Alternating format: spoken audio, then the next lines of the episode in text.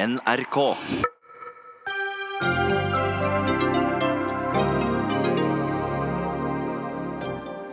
Fraværsgrensen, utskjelt av elevene, hyllet av regjeringen, fyller to år. Nå viser nye tall at fraværet har falt, men Elevorganisasjonen er fortsatt ikke begeistret og kaller den for en frafallsfelle. Olje- og energiministeren kalte Equinors gigantsatsing på Johan Sverdrup-feltet for julaften, nyttårsaften og 17. mai på én gang. Ingen grunn til begeistring, svarer Naturvernforbundet, for dette er en klimabombe. En mann i 60-årene tiltales for å ha behandlet alvorlig sykdom uten å være helsepersonell, etter at han ga såkalt resonansterapi, delvis over telefonen, til en mann som var kreftsyk. Er lovverket bra nok? Og landbruksministeren grep personlig inn og tillot et søskenpar å dele opp en gårdseiendom. Bondelaget reagerer og mener at dette får følger.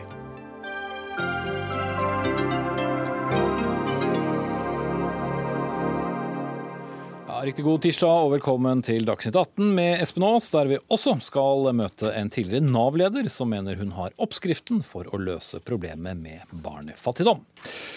Fraværet i den videregående skolen er nå 40 lavere enn før den omstridte fraværsgrensen ble innført for to år siden. Denne meget omtalte grensen betyr altså at elever ikke kan ha over 10% udokumentert fravær dersom de skal kunne få karakter i et fag. Og Utdanningsdirektoratet, som har kommet med disse tallene, antyder dermed at fraværet har skrumpet betydelig inn. Og da er spørsmålet, statssekretær i Kunnskapsdepartementet Atle Simonsen fra Fremskrittspartiet, har den fått den effekten som dere ville?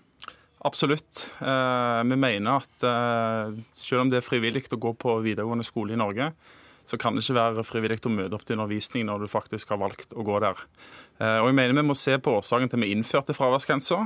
For Før så var det altfor mange elever som ikke møtte til undervisningen. Og Det gikk selvfølgelig utover både de sjøl og andre i klassen når det var halvtomme klasserom. Nå er ikke klasserommet halvtomme lenger.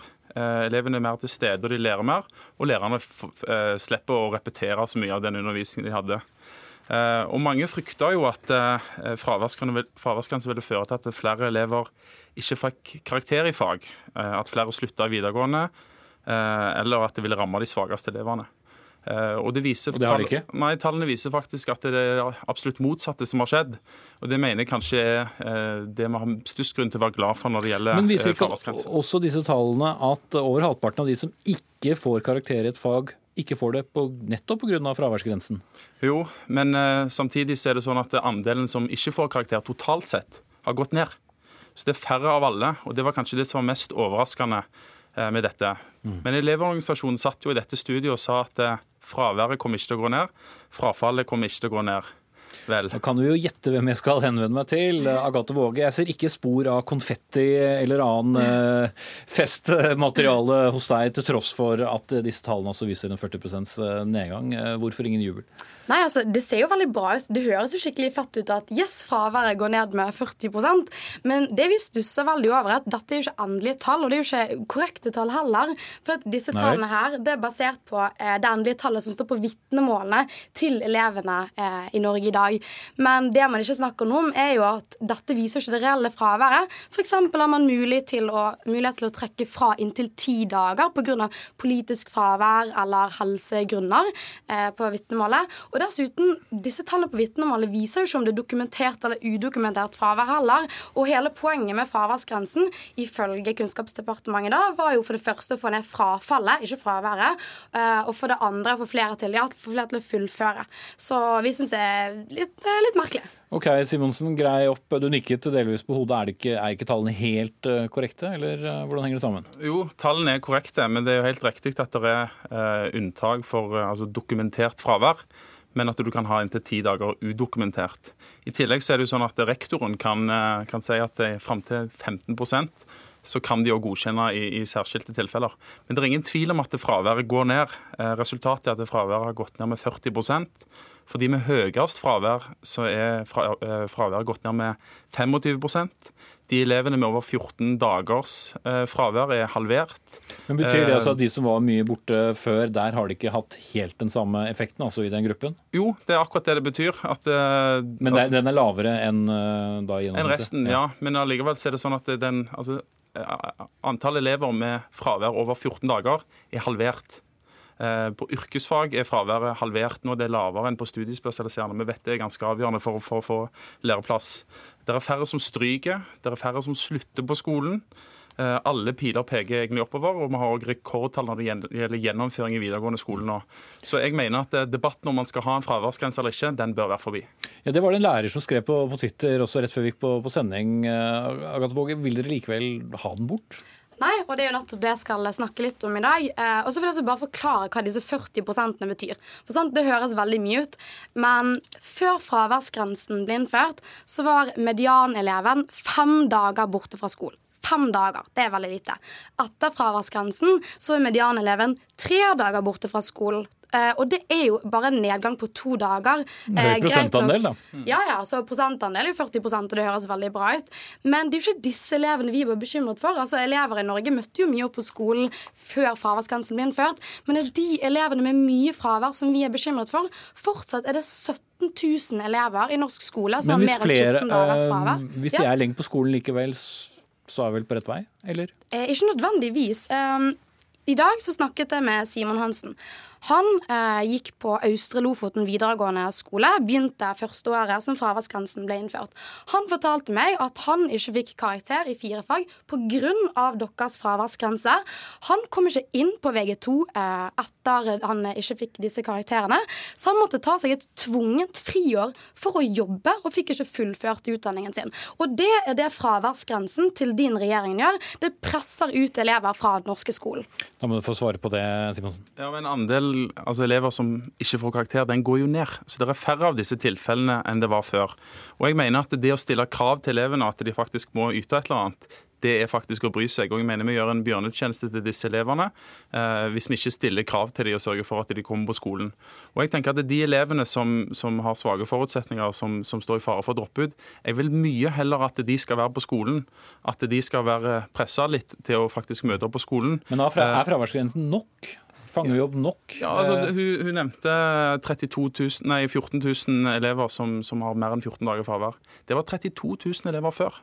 Så det er altså 18 000 elever som nå er under 14 dager i fravær. Så det er en, en gedigen suksess. Men, men, jeg vil gi deg rett i én ting. og det er at det, det er fremdeles mange som, som ikke får karakter. Altså det er altfor mange fremdeles. Eh, som slutter. og Det ønsker vi òg å, å, eh, å, redusere. Vi har jobba i mange år for at, å finne gode tiltak for de som står i først fare for å droppe ut. Kan hende hun har et godt forslag på og dette, hva de kan gjøre. Og dette fortsetter vi. Men altså, skolen òg har jo en plikt her. Og de har en plikt til, når de nærmer seg 10% så skal de skriftlig varsle både foreldre og elev. Og eh, de som står i fare for droppbud får en gjerne da ofte tak igjen. Sant? En ser, ser, at det er noen som er i ferd med å droppe ut, så kan en sette inn tiltak der. og Det er det skolen som har ansvar for. Men det er alvorlig, som hun påpeker, når man ikke får disse karakterene i, i så mange fag, fordi du kanskje har da gått akkurat over denne grensen. Så du ser at det får også negativ effekt for noen, men du mener at den ville kommet uansett? Altså, hvis man ser på hvordan det var før, når det var halvtomme klasserom, så vet jeg ikke om det systemet, når, når det var mye høyere fravær, ville gjort det lettere for disse elevene å gjennomføre. Og Vi mener at, at det må stille krav til at du faktisk må møte opp på skolen, du må være der. Eh, for at da kan skolen også jobbe for å få, sørge for at du faktisk fullfører. Okay. Ja, eh, jeg skjønner ikke helt igjen den beskrivelsen med halvtomme klasserom. Og det stemmer jo ikke for så vidt med tallene heller, i og med at de fleste elevene møtte opp på skolen uansett.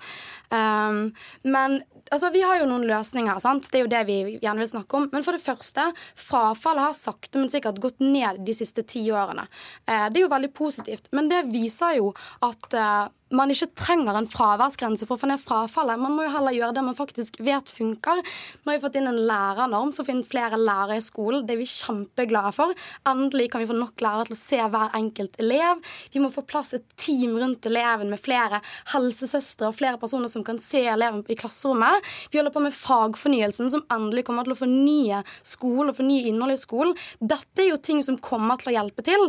Men så vet vi at det er mange elever som Simon der ute, som bare blir presset fasset ut. Og så vil jeg også legge til eh, frafallsstatistikken inkluderer ikke de elevene som eh, man. For hvis du ikke full, altså hvis du ikke kommer inn på VG2 eller VG3, så vises altså, ikke det i frafallsstatistikken engang. Så har vi en stor elevgruppe vi ikke aner hva som skjer med, og det er deres ansvar å fikse. Men bare for, du må presisere en ting, for jeg spurte deg om du vil ha den bort, og da sa du nei. Så, så hva er din løsning? Du vil fortsatt ha oh, ja. en fraværsgrense? Vi, vil, vi vil ha fraværsgrensen bort. Ja, det var det jeg trodde, så nå ble jeg litt overrasket om dere hadde snudd der. Men da er jo spørsmålet, vil dere da tilbake til sånn det var før, eller ja. ja. Så, så, det var en bedre løsning at man tok det ansvaret, og at ikke det var en prosentsats uh, som, som avgjorde om du fikk karakter.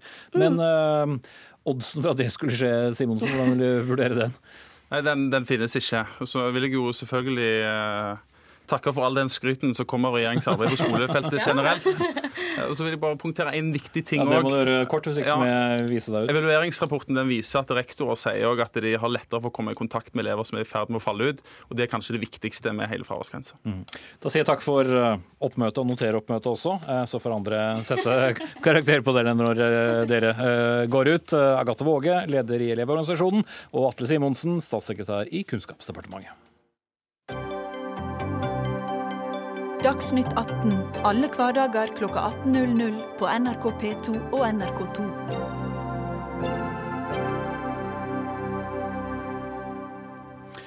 Equinor, for ordens skyld det selskapet vi tidligere kjente som eh, Statoil, og dets store prestisjeprosjekt Johan Sverdrup-feltet, ja, det ble møtt med jubel på oljemessen i Stavanger da den åpnet i går. Da kunne bl.a. Equinor-sjef Eldar Setre fortelle at dette gigantfeltet vil levere minst 9 100 milliarder kroner til statskassen i løpet av sin antatte levetid på rundt 50 år. Og Det fikk eh, olje- og energiministeren til å sammenligne med å skulle feire julaften, nyttårsaften og 17. mai på én gang. Eh, og Bård Glad Pedersen, informasjonsdirektør i eh, Equinor. Hva er det som får selskapet ditt til å være så stolt over dette nye prosjektet? Dette er et prosjekt som man kan glede seg over i hele landet. Det er bra for industri og arbeidsplasser. Det er helt eventyrlig bra for verdiskapning og velferd, og det er faktisk også bra for klima. I utbyggingsfasen så skaper dette prosjektet 150 000 eh, årsverk. Som du sa, så gir det bare statens andel av, av verdiskapinga er på 900 milliarder. Hvis du setter det i, i, i oljefondet og får en 3 årlig avkastning, så gir det eh, hvert år på statsbudsjettet til evig tid, ca. 30 milliarder eh, kroner. Det er nok til å finansiere eh, hele, nesten hele det norske forskningsbudsjettet. Altså hele forskningsbudsjettet fra bare dette eh, prosjektet.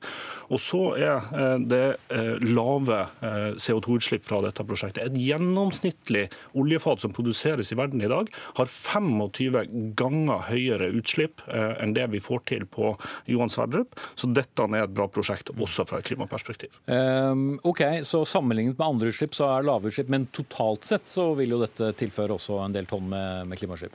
Ja, det vil det. Og eh, de største utslippene er, er, jo i forbruksleddet. Så det er ingen tvil om at hvis vi skal klare å møte klimautfordringen, så må oljeforbruket i verden eh, gå ned. Men vi kan ikke først kutte de feltene som har høyest lønnsomhet og lavest eh, utslipp. Det er jo de feltene vi trenger også i framtida. Og så er, ikke, så er det, så er det ikke nok at oljeforbruket eh, går ned. Vi må også produsere med lavest mulig utslipp. Derfor er det viktig for oss i Equinor. Vi jobber knallhardt med det, og Johan Sverdrup er et eksempel på at vi har lykkes. Det kan jo høres ut som et eh, paradoks da, Glad Pedersen, at du på den ene siden nå har bejublet eh, alt man skal få ut av dette feltet, for deretter å si men så må vi få ned forbruket. Ja, men Oljeforbruket er, eh, er nødt til å gå ned. Så Nå er det jo fortsatt sånn at oljeforbruket øker eh, hvert eneste år. Det er ikke bærekraftig. Vi er nødt til å nå en topp så raskt som mulig. Så må oljeforbruket gå ned. Derfor jobber vi med eh, alternativer, med havvind, med sol. Og vi skal bygge en industriell posisjon innenfor eh, fornybar energi. Men også med lavere oljeforbruk så vil man trenge nye felt i produksjon, fordi at de eksisterende feltene eh, lever ikke lenge nok til å klare å dekke den etterspørselen etterspørselen. Og Da er vi nødt til å klare å produsere med så lave utslipp som eh, overhodet mulig. Eh, og Det jobber vi med. Johan Sverdrup er det sannsynligvis det beste prosjektet i verden når det gjelder eh, lave utslipp. Okay. Men vi jobber med alle prosjektene våre, både i Norge og internasjonalt, for å ta ned utslipp. Silje Ask Lundberg, med oss fra Tromsø og leder av Naturvernforbundet. Feiret du julaften, nyttårsaften og 17. mai på en gang da du fikk høre alle disse talepunktene? Nei, det, det gjorde jeg virkelig ikke, altså. Eh, og jeg må jo si at det var ganske absurd å, å høre på radioen eh, også hvor bejuble, altså den jubelen som bare sto i taket med at det her kommer til å være så bra for våre barn og for våre barnebarn og, og for all framtid. For utfordringa var jo det bra med 900 millioner, milliarder unnskyld, i, i statskassen? Ja, men utfordringa her er jo at det er jo ikke bare sånn at det kommer 900 milliarder, og så har det ingen konsekvenser. Altså Johan Sverdrup, der hvis man skal utvinne alt det, så snakker vi om 1,3 milliarder tonn CO2. Det er altså 25 ganger Norges årlige utslipp. Eh, og det er det ikke plass til. Det er ikke plass til at vi kan fortsette å lete etter mer og mer olje, samtidig som vi sier at ja, ja, men vi skal jo også gjøre noe med forbruket. Det som vi vet fra klimaforskerne, det er at vi har funnet altfor mye kull, olje og gass, og at vi er nødt til å la mesteparten av det ligge. Og da henger det ikke på greip å skulle lete etter enda mer. Så ditt svar er enkelt og greit, man skulle aldri åpnet eh, Johan Sverdrup? Ja. Og det er jo også, altså Direktør for eh, Bjerknessenteret har også tidligere i sommer sagt at eh, det er å skape seg en livsløgn og tro at den oljevirksomheten som vi planlegger for nå, passer innenfor Parisavtalen, og at vi ikke kan tillate nye felt. Sånn at det her er jo også måte, Bakgrunnen for at vi ikke kan gjøre det, er jo basert også i forskning. Klima tåler det ikke, og da kan vi ikke fortsette på den måten som Statoil eller Equinor okay. gjør. Eh, skal, du skal få svare på det, Bård Glad Pedersen. Og vi har også med oss uh, olje- og energiminister Terje Søviknes, som jeg også tipper har lyst til å svare på det samme. Men bare stille ett spørsmål før vi kommer dit, uh, Lundberg. Nå er jo dette feltet åpnet, og det blir jo ikke stengt. Er det ikke likevel eh, en viss eh, eller Får du ikke lyst til å rose operatøren for nettopp å iallfall bedrive en langt mer miljøvennlig utvinning av olje enn man har på gjennomsnittsfeltene? Altså Når jeg hører Glad Pedersen si at det er bra for klimaet at Johan Sverdrup har åpna nå, så er det alt annet enn noe jeg har lyst til å rose han for. Altså, det er få ting som gjør meg mer irritert enn å høre de her oljetoppene si at norsk olje er bra for klimaet. For det er det slettes ikke, og det er på tide vi lar den ligge. Ok, Bård Glad Pedersen. Nei, Jeg mener egentlig at Lundberg kunne gått på seg og glede seg litt over det. fordi Hun har jo helt rett i at eh, vi er nødt til å utvikle alternativer. Så, og Det sa jeg også i, eh, i, mitt innlegg. Men det er jo litt rart at, at, det er vi i industrien som skal si at det er kjempeviktig at vi jobber ta ned utslipp, mens Lundberg skal si at det spiller ingen rolle. Altså, På Johan Sverdrup så skal vi produsere 2,7 milliarder fat. Eh, med utslipp som er bare en 25-del av det som er det globale snittet. Hadde vi produsert det med det globale snittet, så hadde det økt utslippene med 44 millioner tonn. Det er nesten like mye som vi slipper ut i hele Norge eh, på et år. I dag har vi også annonsert at vi nå starter et utredningsarbeid for å se om vi kan få til flytende havvind for å forsyne installasjoner offshore. Eh, det kan ta ned utslippene fra vår produksjon. Dette må jo Lundberg være enig i at selv om oljeforbruket må gå ned, så er det viktig at vi jobber for å ta ned utslipp, sånn som vi har gjort på Sverdrup, og sånn som vi annonserte i dag. at vi skal Eh, igangsatt nye prosjekter før på andre felt. Men hvis du hadde puttet så mye penger som dere har puttet inn i Johan Sverdrup i da eh, fornybar eh, energi, er svaret på det nei, det vil ikke lønne seg? Jo, Vi skal putte omtrent så mye penger faktisk eh, inn i fornybar energi fram mot 2030. Eh, vi skal investere i størrelsesorden 100 milliarder kroner fram til 2030. Vi skal ta 15-20% av investeringene deres i 2030 ja, skal gå til fornybar. Ja, så det, det er å ta en tung industriell eh, rolle for det. Men det må vi jo modne fram industrielle prosjekter, klare å skape lønnsomhet i. For vi får ikke til det grønne skiftet hvis vi slutter med alt som er lønnsomt og bare gjør ting som er ulønnsomt. Vi er nødt til å klare å skape lønnsomhet også i fornybar energi. Bygg det frem. Vi skal ta en rolle i det. Samtidig vil vi trenge olje og gass, og da må vi produsere det med lavest mulig utslipp. Men ut, ja, Utfordringa her det er jo at man planlegger jo fra Equinor sin side her nærmest eh, for en framtid som er helt lik som fortida vår. Nei, nei, og det er det ikke. Jo, det er det. Så når dere snakker om at investeringen skal være på altså mellom 15 og 20 av den totale porteføljen deres i 2030, det skal være i fornybar, hva med de resterende 80? Og det er det som er utfordringa her. Det er at man ser framover, og så sier man ja, ja, vi skal gjøre noe på, på etterspørselssida. Vi skal prøve å jobbe for at man skal ha litt mindre oljeforbruk. Men så tør man ikke å skjønne at det også har noe å si på hvor er det du skal hente den olja, hvilke investeringer er det som gjøres.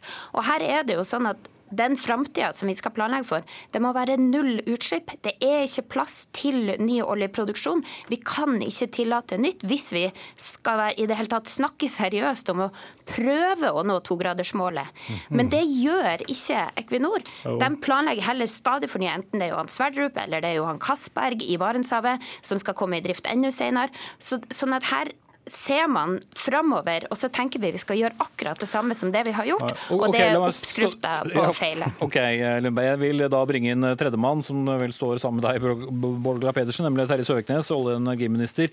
Du sitter altså i en regjering som sier at klimaendringene er vår største trussel. Samtidig så feirer du også 17. mai-nyttårsaften og julaften på en gang med dette feltet. Hvordan henger det sammen?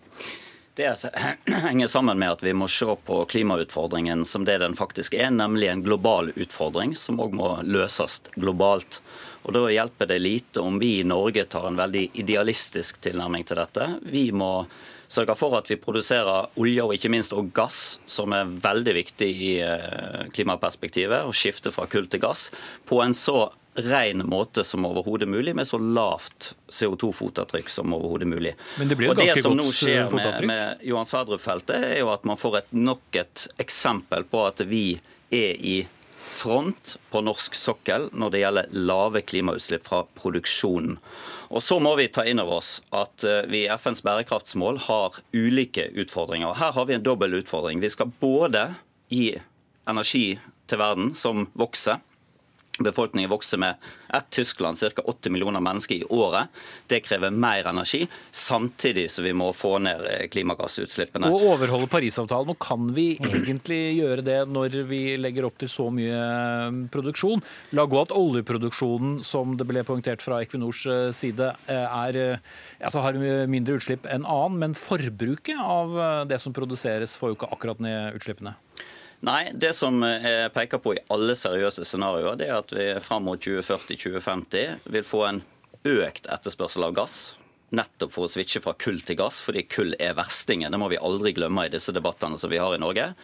Dernest at vi får en utflating og kanskje en liten nedgang i, i oljeforbruket. Og så må kull ut. Det er det som er det som skal til for at vi skal nå togradersmålene. og, og det vi ser nå i fremvoks... Ja, men la meg bare fullføre. Det vi ser nå i fremvoksende økonomier som er ganske viktig eh, i det globale perspektivet, Kina, India, det er jo at vi ser denne, dette skiftet fra kull til gass. Og hvis ikke Norge med vår kompetansebase, vår teknologibase, skal være med og vise vei her, og produsere den olje og gass som faktisk verden trenger, og kan ha i henhold til togradersscenarioene som, som alle har utarbeida, okay. ja, så ville vi ha spilt fallitt. Ja, men det her stemmer jo rett og slett ikke. Altså, det er ikke sånn at bare vi lar kullet ligge, så kommer vi til å komme i, i, i mål med to grader. Det er ikke sjans. Vi har funnet altfor mye både olje og gass i tillegg, så vi er nødt til å også la deler av oljen og av gassen ligge, og tro at det bare handler om kullet. Det er altså, det er så feil at det er så vilt å høre det. Og for det andre så må jeg også si, så må jeg også si, jeg hører jo at eh, du og Karl Erik Skjøtt Pedersen har snakket sammen, for dere har jo litt de samme talepunktene med eh, at ja, det er flere bærekraftsmål eh, som man opererer med, men det er nå ikke sånn at den norske olja er den som sendes til fremvoksende økonomier. Det må vi ikke narre oss til å tro. Hva er det som er hovedmarkedet for den, for den norske olja og gassen? Jo, det er i aller høyeste grad ganske godt utvikla økonomier, ganske godt utvikla land, særlig i Europa. Jo, men det er her vi må altså løfte dette opp i et globalt perspektiv. Vi har et internasjonalt olje- og gassmarked, eh, og vi er en liten produsent. Det kunne jo vært interessant å spørre Lundberg hvor, hvor stor andel hun tror at Norge har av oljeproduksjonen per i dag, og hvordan den har utvikla seg fra 2001 og fram til i dag. Men, ja, du, f- Jo, men svar på det, for det er ganske viktig. Ja, men Der ble du programleder. Utfordringa er jo at Norge er den syvende største eksportøren av Jo, klimagassutslipp men, men i verden. Ja, men det er vi. mine, fordi at det, det er litt å sette ting i perspektiv. Altså, gjør det Norge raskere hvis du svarer på det selv, Søviknes. Ja, Norge produserer i dag 2% av verdens olje eh, som blir produsert Men det er jo ikke sånn at denne debatten bare har foregår i fallende trend. i Norge. Har Denne debatten fall- foregår over Jo, men, hele verden. Men hør her, du vi har hatt en fallende trend fra fra 2001, og vi er fortsatt på en fallende trend, selv om nye felt som Johan Sverdrup kom ja, inn. Men den fallende fordi... trenden er ikke i tråd med de referansebanene, de utslippsbanene som vi må, dersom vi skal helle Nei, oss innenfor Paris. Man må jo ha en viss, realitets... en viss realitetsorientering òg i miljøbevegelsen. Når det er en etterspørsel der ute, og vi kan og må ha olje og gass i verdens energimiks for å gi den utviklingen vi, vi, ser for oss med en voksende befolkning, og løfter eh, flere òg ut av fattigdom og opp i levestandard, ja, så må jo det være bedre at vi Får jeg bytte inn å stille et spørsmål eh, til slutt, Søviknes? Med mulig Noen moret seg litt over eh, forsiden til nrk.no i går, for det var to telegrammer som lå ved siden av hverandre. Det ene var altså alle, all oljen som vi kunne få ut, og inntektene kunne få av Johan Sverdrup. Ved siden av sto det en melding om at sommervarmen 2018 slo alle rekorder. Mener vi at uh, dette virker inn på klimaet eller ikke, Søviknes? Det er åpenbart at de eh, endringer vi ser i klimaet, har sammenheng med menneskeskapte utslipp. Og, og Det må vi ta på alvor. Men vi må klare å ha to tanker i hodet samtidig. Ja, vi skal ha økt, et økt fokus på mer fornybar energi, men i dag utgjør f.eks. sol og vind, som alle nå snakker om, mindre enn 2% av verdens energiforbruk. Og Vi er nødt til å tenke sånn at vi skal både ha olje og gass i en overgangsperiode, og så skal vi bygge ut fornybar energi. Og gassen, jeg må understreke det, gassen blir altfor lite debattert i Norge. Den er ekstremt viktig både for at Europa og verden skal nå ja, men, sine klimamål. Nå, nå, må jeg så stoppe dere i egenskap av å være programmer. Men bare helt til slutt, da, Søvegnes, er du bekymret selv for klimaendringene? Er de menneskeskapt? Og eh, er du bekymret for at eh, vi ikke når de målene? Jeg har sagt alltid at det er både naturlige klimavariasjoner og så er det menneskeskapte klimaendringer. Og Vi må ta dette på alvor og sørge for at vi møter den utfordringen. Men vi må klare å altså ha to tanker i hodet samtidig. Og verden trenger mer energi, og vi som energinasjon skal være med og produsere dette. Okay. Både olje og gass og da, fornybar. Da må jeg stoppe. Jeg hørte at Bård Glad Pedersen også ville inn, men rekker ikke det nå. Takk skal dere ha. Bård Glad Pedersen, informasjonsdirektør i Equinor, tidligere Statoil, Silje Ask Lundberg, leder av Naturvernforbundet, i midten her, og så Terje Søvik Søviknes, olje- og energiminister fra Fremskrittspartiet.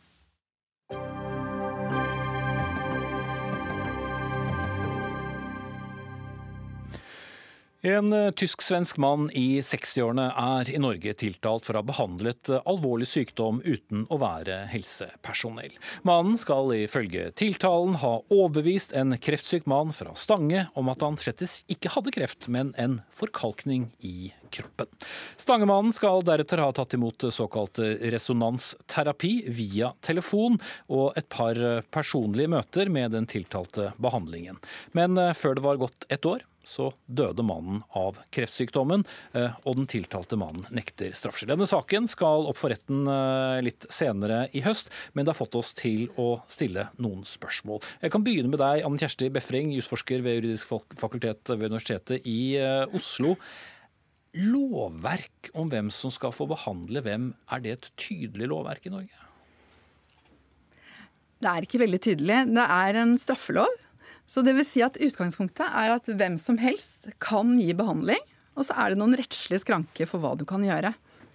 Eh, kan du utdype de på en lettfattelig måte? Ja, Det er eh, et forbud for andre enn folk med nødvendig kompetanse å behandle alvorlige sykdommer. Så er det noen unntak fra det. Og så er det et forbud mot å bruke metoder som kan skade pasienter. Og så det tredje, som er veldig viktig, det er at det er et forbud mot å villede folk til å avslutte tradisjonell behandling når det er nødvendig. F.eks. Eh, det å avslutte en selvterapi. Mm. Eh, Jon Petter Lindland, du er styreleder i Norske naturterapeuters hovedorganisasjon, eller NHH på kort. Dere har jo enkelte medlemmer i deres organisasjon som tilbyr da, som jeg nevnte her, såkalt resonansterapi. Eh, hva tenker du når du hører om nordmannen som altså døde fordi han valgte å høre på denne behandlingen fremfor skolemedisin? Nå kjenner ikke jeg den saken i detalj, jeg kan bare lese det så vidt i media i dag. Men det er klart det er veldig trist å høre sånn. Så, eh, så jeg kan ikke si noe annet at eh, jeg kan ikke beklage for våre medlemmer, for det, det handler ikke om våre medlemmer, dette her. Men det er selvfølgelig trist at eh, noen terapeuter viser uetiske handlinger og dårlig dømmekraft. For resonansterapi var ja, jeg, jeg kan Selv så driver jeg ikke med resonansterapi. altså Det er jo en terapiform som jeg tror er mer utbredt i Tyskland. Det er jo både en diagnosemetode og en behandlingsform. da. Så jeg vil ikke gå inn i akkurat detaljene på den, men det hører jo med til eh, felt alternativ behandling. Mm. Ja. Men eh, bare for å forstå det fra, fra ditt eh, synspunkt, altså hvor oversiktlig føler dine medlemmer da at dette lovverket er i, i forhold til eh hva slags grenseområder de har eh, å, å jobbe innenfor? Altså, Vi har jo ikke hatt uh, mye klage fra pasienter. så jeg, jeg, jeg, jeg Nei, Men Er retningslinjene klare nok? Ja, jeg, mener at de fleste oppfatter den loven ganske tydelig. At vi har, det er visse skranker for hva vi har lov til å behandle. Så som sagt at vi har fått lite klage på det, så jeg opplever at folk forholder seg til lova sånn som den står. Og det er jo en straffelov, som du sier. Hvis du på en måte gjør noe der, så, så blir du eventuelt eh, politianmeldt. Mm. Ingeborg Senseth, eh, journalist i Aftenposten, også utdannet eh, sykepleier. For, på, på, Facebook i dag så kaller du denne behandlingen for klassisk godt salgbart bullshit uten særlig positiv virkning på annet enn tid og lommebok. Det var uh, kraftsalve. Jeg kunne ha sagt det kraftigere enn det òg. Um, det, her er, det er drøyt uh, opplegg, syns jeg. da. Um, jeg blir jo litt overraska over at jeg kjenner lite til uh, metoden at det er bare Tyskland. Um, det står der vitterlig på ganske mange uh, tilbydere sine sider, både hva det er og hva de visstnok skal hjelpe med, uh, både i Moss og andre steder. Også på alternativ.no, som jo har hva er det, 800 000 besøkende. der står det også om denne terapiformen. Um, der står det uh, bl.a. at et filterapparatet skiller mellom hva som er friske harmoniske svingninger og sykelige disharmoniske svingninger. Um, det er, skal utligne elektromagnetisk informasjon. Um, og det skal hjelpe imot alt ifra skadelige virus til ADHD. Det er liksom ikke måte på hva det skal hjelpe for. Uh, det står til og med noen steder at det er fint for barn. Um, så det er nok en del opprydning som må til hos Eh, i egne rekker, da, kan man si. Lina? Jeg skriver masse artikler der jeg problematiserer det med diagnose og kommunikasjon, så jeg er helt enig i det du sier. For, og jeg kjenner jo til metoden. Men jeg tenker at her diskuterer vi prinsipper når det gjelder, når det gjelder etiske holdninger overfor pasienter som er i en sårbar fase.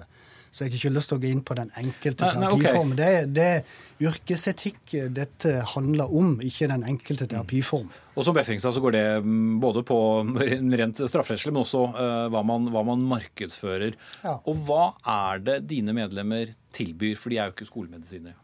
Nei, altså de tilbyr, vi, organiserer jo mange forskjellige terapiformer i vår organisasjon. Vi har godkjenningsordninger for terapeuter. Vi driver med utvikling av fagretningslinjer. Vi, vi jobber med yrkesetiske retningslinjer hele tida. Og, og, dette her, vi jobber med, med, med, kvalitet, og det er jo pasientfokus. Som, som er vårt pasientsikkerhet som er vårt hovedfokus Men hele tida. Dere tenker at dere tilbyr noe ved siden av skolemedisinen, eller kan det også erstatte skolemedisinen? Nei, det kan aldri erstatte skolemedisin. Altså det, naturmedisin, alternativ behandling, er jo et komplement eh, til vanlig offentlig behandling.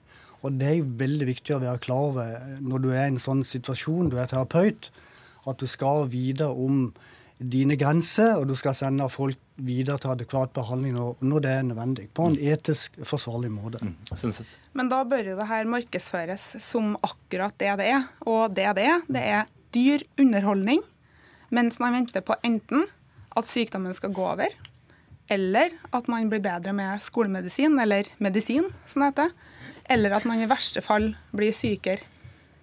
Det er jo det det bør markedsføres som, og det er ikke det det markedsføres som for en vanlig forbruker som går inn på det her. Og det er jo noe som forbrukermyndighetene må ta inn over seg. Mm. At det er vanskelig å tolke. Jeg, jeg kan ikke svare for den markedsføringa som eventuelt sånn eh, operatører driver med av selskap. Det kan ikke jeg. Jeg forholder meg til den, den markedsføringa som vi gjør via organisasjoner, våre medlemmer. Men som styreleder i en hovedorganisasjon så ville det vel ikke vært helt unaturlig å ha en formening om Det er klart at jeg har avstand for, for, for markedsføring ikke sant, som går utover sånn Eh, etikken, da. Det er klart, det. Mm. Men hvor er... Befring nå. Eh, du, har, du, ser noen betenkeligheter ved å, å, å la troen på forbud uh, få for mye vekt her?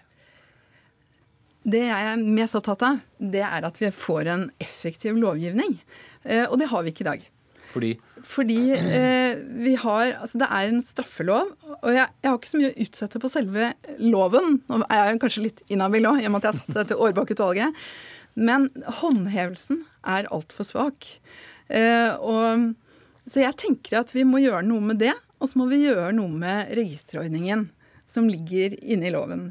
Eh, fordi folk flest eh, tror at alternativ behandling, veldig mange tror, at det er et ensartet begrep med et ensartet innhold. Det er jo veldig mye som fylles i denne sekkebestemmelsen, mm. Eh, eller sekkeformuleringen. Og det er alt fra behandlere som er arbeidsledige lastebilsjåfører som starter alternativ behandling, til folk med noe utdanning og med helsefaglig bakgrunn. Så det kan betyr, være for lett å tilby behandling? Mener du? Ja, alle kan starte som alternativ behandlere. Det er, ikke, det er fri etableringsrett i landet. Eh, og problemet er at det skjer, altså det tar for lang tid eh, før det skjer noe, når du har systematiske lovbrudd. Og straffeloven kommer da inn for sent? Problemet er jo at den forutsetter at noen politianmelder forholdet. Og det er vanskelig hvis du dør, sånn som denne mannen, eller hvis du har noe å forsvare. Det er mye skam knyttet til det å politianmelde noe du selv har gjort helt frivillig. Så jeg tenker Her må vi ha et system med bedre oversikt over alternativ behandling i landet, og med mulighet til å gripe inn med mer effektive virkemidler. Det ville du kanskje ønske velkommen? eller Lina? Ja, jeg ønsker det velkommen. Og vi har i mange år som vi har jobba med når det gjelder registerforskriften, som vi syns er for dårlig, den gir ikke motivasjon til å ta lengre og gode utdanninger som har fokus på pasientsikkerhet. Så, så det, dette er vi har hatt masse møter med Helsedirektoratet, departementet. Vi får ikke respons. Vi vil gjerne endre dette her sånn at pasientsikkerhet er i fokus hele tida. Mm. Ja, jeg syns det er utrolig viktig at du nevner ordet skam. Eh, for jeg tror mye av det er knytta til det at folk f.eks. ikke klager, eller at folk oppsøker de her stedene i utgangspunktet. Vi har en kultur der det er for det første ganske tilknytta skam det å være syk i det hele tatt. Eh, for du skal på en måte kunne klare å opprettholde et ganske bra liv da, ut ifra alt vi har osv. Og så er det også ganske mange som får med seg at det harseleres masse med alternative tilbydere. Eh, det får nå være sin side av saken, men det er umulig å gjøre det uten at det samtidig kjennes ganske godt hos dem som bruker denne tilbudene. Da. Og Det er bare så utrolig viktig at vi hele tiden understreker at det er tilbudet det er noe feil med, og ikke etterspørselen, da, kan du si. Um, jeg vet bare med meg sjøl, som sjøl har vært uh, veldig veldig dårlig. Jeg prøvde alt ifra ja. med magnetsåler. Uh, det virka kjempefornuftig på et tidspunkt. Jeg prøvde kinesologi. Uh, jeg var på vei til Snåsamannen, men var for dårlig. og det er sånn i en sånn situasjon der du er fryktelig dårlig, du har brukt så masse kanskje av skattepengene osv. Du har bare lyst til å prøve alt, da. Men så er det en ting med det å si at, du, at det er en ting som starter med alt som ikke bør være med det, og det er det alternativet. For det er ikke bevist at det virker som noe som helst, annet enn at det er veldig veldig dyr underholdning, og at det tar opp tid du kunne ha brukt enten med dine kjære eller i god behandling. Ok, Lilleland, veldig kort til slutt. Altså, NNH er veldig enig i hovedelementene i markedsforskriften, og den skal jo verne og beskytte folk mot uønska etiske holdninger hos terapeuter. Ok, da stopper vi der. Jon Petter Lindeland, styreleder i Norske natur, naturterapeuters hovedorganisasjon. Anne Kjersti Befring, jusforsker, juridisk fakultet Universitetet i Oslo. Og Ingeborg Senneset, journalist i Aftenposten. Og vi har altså invitert helseminister Bent Høie til Dagsnytt 18 i dag, men han hadde ikke anledning til å delta. Hør Dagsnytt 18 når du vil. Radio NRK Radio.nrk.no.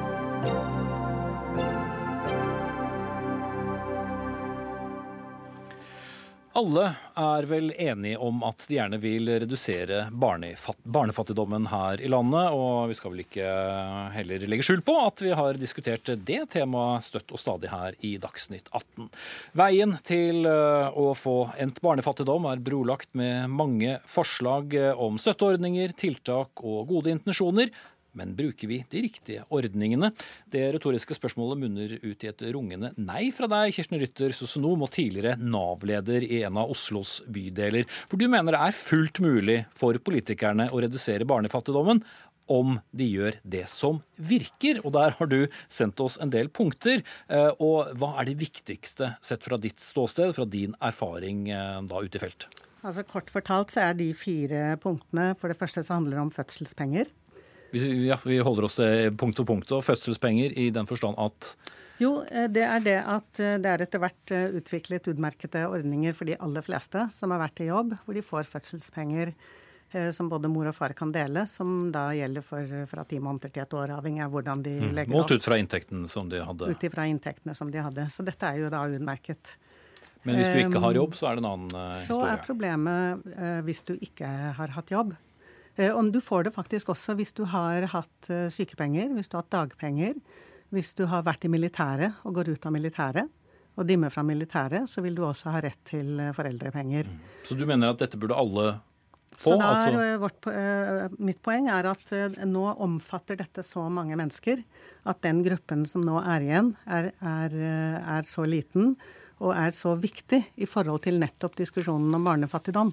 Eh, Fordi at det handler jo nettopp om de foreldrene som da ikke har vært i arbeid, eh, og som da kanskje har vært i tiltak, og som da ikke har noe å leve for eh, det året etter at de får et barn. mm. Så det blir en La oss kalle det en ekstra trygdeordning, da, i den forstand at de ikke hadde arbeid og ikke har opparbeidet seg den rettigheten på forhånd? Ja, altså det er at det som de alle andre får, det skal også gjelde for dem. Eh, Så, um, Ja, så det alle, alle skal få fødselspenger? alle skal skal få fødselspenger, og så at det skal være et minsteløpsbeløp på Mm. to ganger eh, G da, eller tilsvarende minstepensjon. Mm. To erfarne politikere sitter også i studio, eh, begge tilhørende familie- og kulturkomiteen på Stortinget. Kristin Ørmen Johnsen, begynner med deg. Du eh, tilhører Høyre, som da altså sitter i, eh, i regjering. Eh, Hvorfor har ikke dere foreslått å gi foreldrepenger til alle? Nei, vi har jo noe som eh, heter engangsstønad. Og det er jo for de som ikke faller inn under alle de kriteriene som ligger for å få eh, fødselspenger eller foreldrepenger.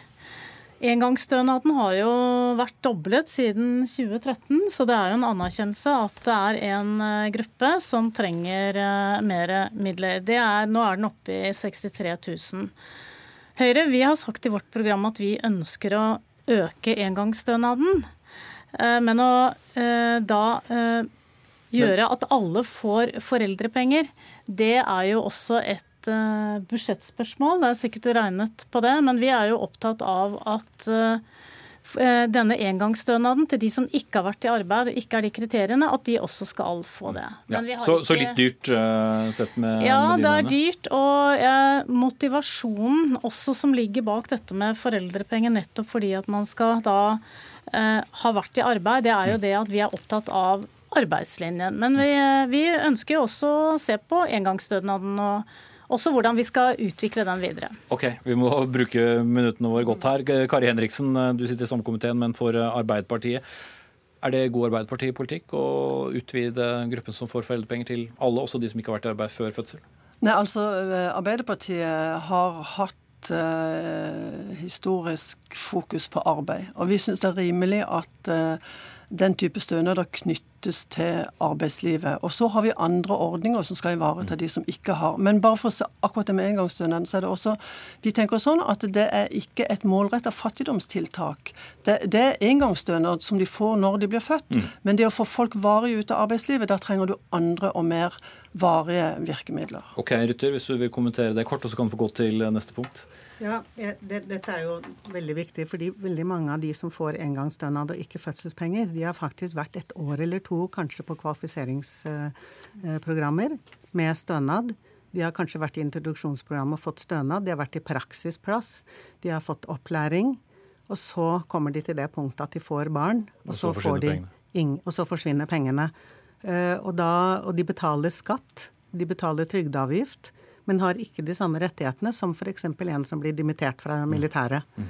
Eh, og det da- ja. virker som det er et, det er et unntak. At det heller er gjort et unntak for en gruppe enn at det er eh, enn at, Istedenfor at man har tenkt at dette er en rettighet som gjelder folk som ikke kan jobbe i det året eh, etter at de får barn, så er jo meningen at ikke at de skal gå ut i arbeidslivet, de får jo heller ikke barneplass, barnehageplass. Vi hopper til neste punkt og tar ikke en lengre debatt på foreldrepenger. Innspillene er herved gitt til eh, Stortingets to største partier. Og ditt neste punkt, eh, som du mener også ville redusert Um, Det neste punktet gjelder jo, eh, gjelder jo dette med arbeid. Og, og her har jo Norge veldig gode ordninger med et eh, stor satsing på både arbeidsmarkedstiltak eh, og utdanning. Men i et Nav-perspektiv så ser vi jo nettopp det at det er noen som, som Og det er- mange dette virker for. Men så er det da noen som på en måte ikke, i, ikke klarer det gjennom den tiden de får på disse tiltakene. Og vi ser at det utvikler seg gjentagelse og runddans i eh, tiltak som jobbsøkerkurs og praksisplass, og det virker veldig motiverende eh, på de personene. Så forslaget er at man satser, og det er ikke et ukjent tiltak, men det må satses mye mer på fagopplæring. Slik at eh, man eh, liksom universitetsfolk får årevis med betaling for å gå på universitetet. Så må vi også kunne satse på de som trenger noen flere år for å få seg fagopplæring. Eh, så, så, og det andre, det andre er det tiltaket som heter lønnstilskudd.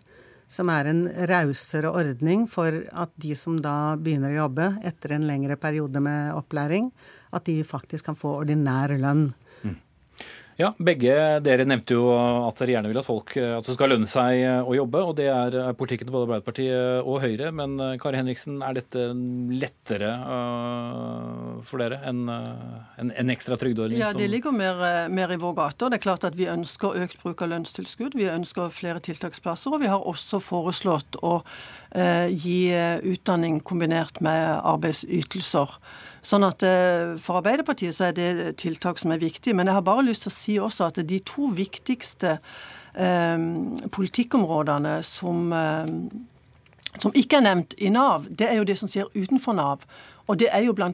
skattepolitikken mm. og omfordelingspolitikken. Men nå tar vi ikke de i dag, nå tar vi Nav. Eh, Kristin Ørmen Johnsen, eh, bedre, bedre kurs og mer reelt arbeid. Er det god løsning?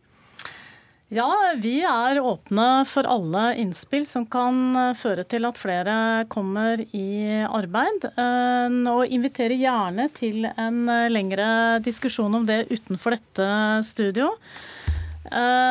Jeg tror at Nå diskuterer vi jo liksom litt, sånn, litt sånn fragmentert hva som skal til, men Men, men, men fra en som har sett systemet på nært hold, da? Ja, Det er veldig spennende. Vi, de pengene vi bruker, de kan vi kanskje bruke annerledes. Vi er jo opptatt av å få til en stor reform på bl.a. introduksjonsordningen, for vi vet at det blir mange flere familier eh, som kommer med, med flyktningbakgrunn, hvor det tar tid å få de ut i arbeid. og Der må vi tenke nytt. og alle de pengene vi bruker på det, det kan vi kanskje bruke smartere og få folk ut i arbeid og mobilisere arbeidslivet mer. Så ja, dette syns vi er mm. interessant. Vi rekker ikke alle punktene jeg nå på tiden, men Kirsten Rutter, hvis du skal velge ett punkt til av de fire du hadde, som uh, du mener politikerne kan ta med seg ut? I forhold til det punktet vi snakker om nå, så tror jeg er, det er veldig viktig å tenke på at de menneskene som er i systemet, må ha et forutsigbart system som det er en viss progresjon i, slik at de vet at når de kommer i kvalifiseringsprogrammet, så er det slik at de også får en stønad hvis de får barn,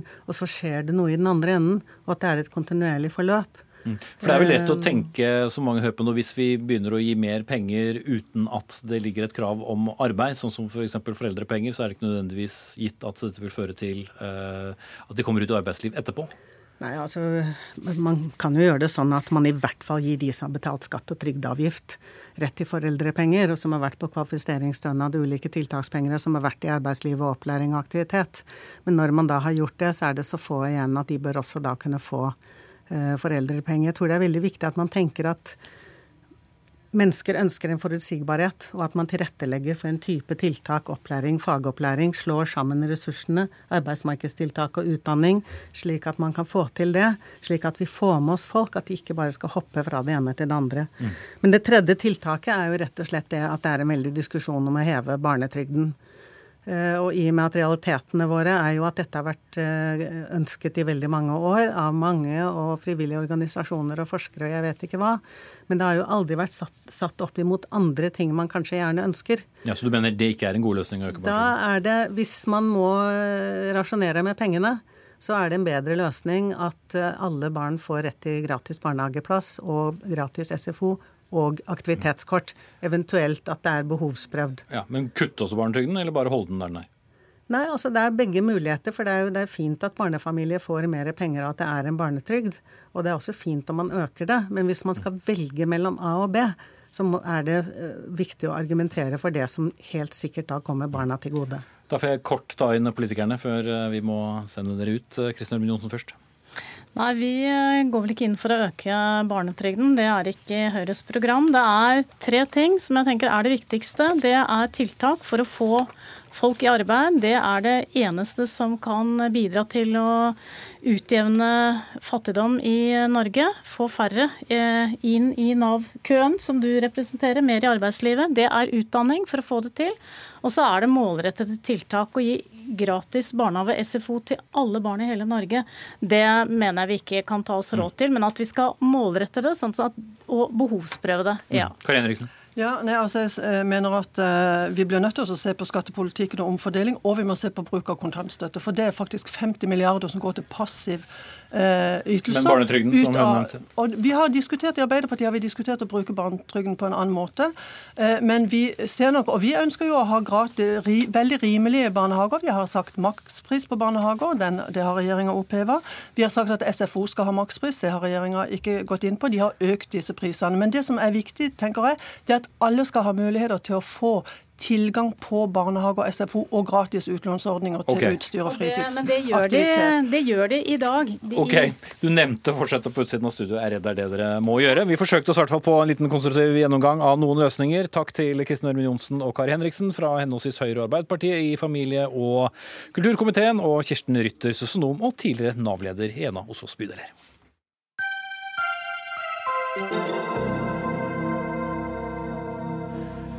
Da skal jeg eh, begynne med et eh, lite sitat. Det går som følger. Jeg begriper ikke at Bondelaget kan mene det de sier. Med en litt annen dialekt så sa landbruks- og matminister Jon Georg Dale dette til Nasjonen denne uken. Og Bondelaget står på sitt, og de to er uenige etter at statsråden grep inn og tillot et søskenpar fra Hjartdal i Telemark å dele opp en gårdseiendom som de arvet fra sine foreldre, etter å først altså ha fått et nei. Og Solvor Mowinckel Småkasin, du er med oss på linje og er eh, den ene av de to søsknene her. Eh, hva har det betydd for dere at dere nå har fått lov til å dele opp eh, den eiendom som, som dere arvet? Nei, det betyr jo alt, eh, spesielt for meg og mannen min og våre barn. Da.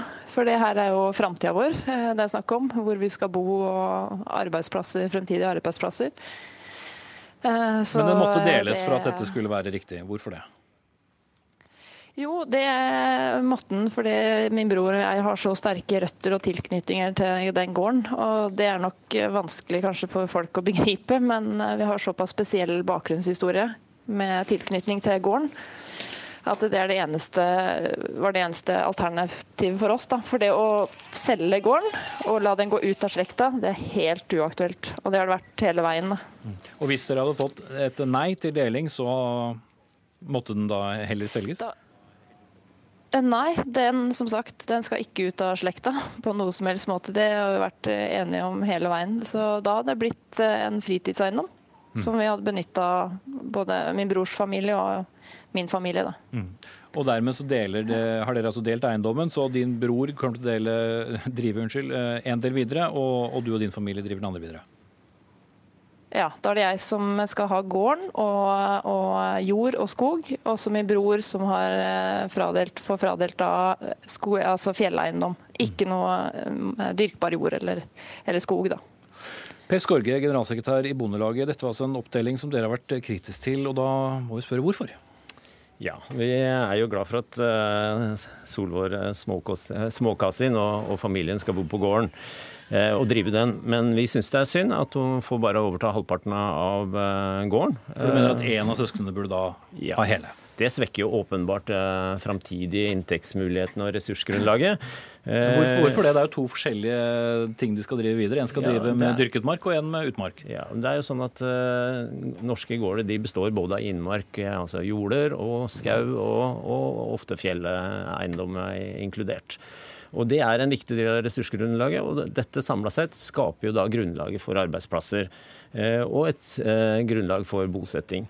Eh, og Når man da deler opp gårder, og man får fjerneierskap, fritidseiendom som her blir i dette tilfellet, så svekker jo det åpenbart inntektsmulighetene. Og Det er ikke noe mer avansert enn at en halv gård, eller to tredjedels gård, som det kanskje er i dette tilfellet, gir et dårligere inntektsgrunnlag enn en hel gård. Så enkelt er egentlig dette. Og vi ønsker på samme måte som fagmyndighetene til statsråden her sier jo akkurat det samme, at det vil svekke de framtidige inntektsmulighetene, og går jo imot eh, denne oppdelinga her. sånn. Jon Georg Dale, landbruks- og matminister fra Fremskrittspartiet. Dette er Bondelagets eh, bekymring. Fylkesmannen, Landbruksdirektoratet gikk også imot deling, så hvorfor skulle du som statsråd eh, overprøve dette? Det er veldig enkelt. Det er fordi I motsetning til Bondelaget så mener jeg at vettet er noenlunde jevnt fordelt utover landet. Det er folk som eier disse eiendommene. De mener sjøl at dette er den beste løsninga. Hjartdal kommune, som er en fraflyttingskommune, ser muligheter til å få fire nye fastboende innbyggere i sin kommune. De mener dette er den beste løsninga. Og hele lovgrunnlaget tilsier at dette er mulig å gjøre. For kommunen sa ja før det ble da nei? Kommunen sa ja, Eh, og gjennom den forvaltninga som har vært gjort her, så ser jeg også jeg at innenfor det lovverket vi har fått fastsatt for dette, så er det fullt mulig å gi grunnlag eh, for å finne den løsninga som jeg nå har funnet. Og da syns jeg det er forferdelig rart jeg, at vi skal sitte eh, så langt unna som mulig og gjøre vurderinger på andre folk sin eiendom og i strid med lokale ønsker. Mm. Men du gikk likevel imot to andre instanser som skal kunne vurdere? da? Ja, jeg gikk mot Fylkesmannen og Landbruksdirektoratets vurdering, for jeg mener de har gjort en dårlig vurdering. For det er den vurderinga Hjartdal kommune har rett til å gjøre, er å vektlegge bosettingshensynet i Hjartdal mye sterkere enn både Fylkesmannen og Landbruksdirektoratet gjorde. Mm. Og da er, det min, da er det ikke bare min rett, men jeg mener også det er min plikt å faktisk forvalte denne type saker slik at forvaltninga skjønner at det er først og fremst i kommunene de er i stand til å gjøre disse vurderingene så tett på som overhodet mulig. Ja, nærmest sunn fornuft, eh, sier landbruksministeren eh, Skorge. Hva, hva blir konsekvensen av den denne enkeltsaken, egentlig? Nei, Det vi frykter, det er jo at dette her skal være reglene i andre tilfeller også. Og det er en ekstremt dårlig idé.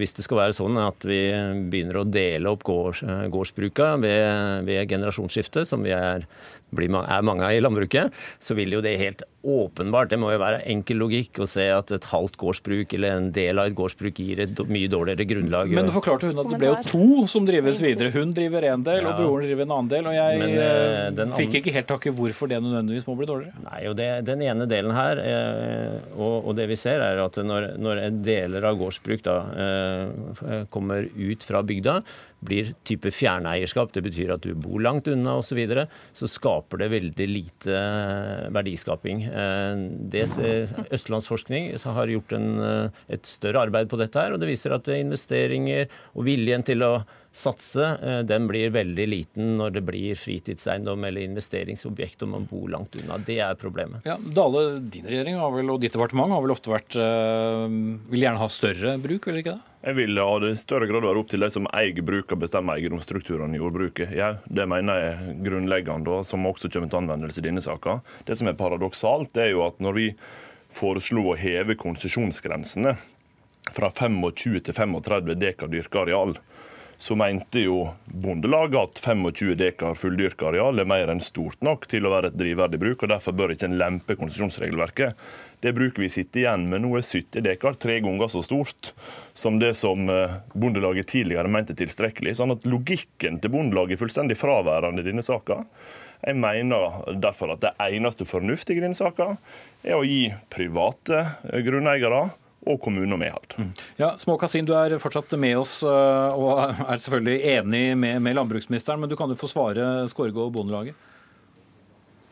Ja, altså, eh, For det første så lurer jeg veldig på om dere har lest alle saksdokumentene før dere har uttalt dere ganske heftig i media. Og det gjorde dere jo veldig tidlig. Eh, det er det første jeg lurer på. For det, det høres ut som det er snakk om å dele gården i to og sette en strek over, og det er det jo ikke snakk om i det hele tatt. All av verdi, landbruksverdien her er jo i skog. Dette er en skogeiendom. Altså Det er snakk om 70 dekar dyrka mark, men det er ikke det som er realiteten. Det var det kanskje for 80 år siden. Men nå er det snakk om kanskje 40 dekar knapt som er dyrkbar jord. Og resten er skog, og den kommer jo til å tilfalle gården. Og Samtidig så er det snakk om beiterett. Det kommer vi fortsatt til å ha på fjellet. For det er 115 mål som skal tilfalle gården som vi har på fjellet.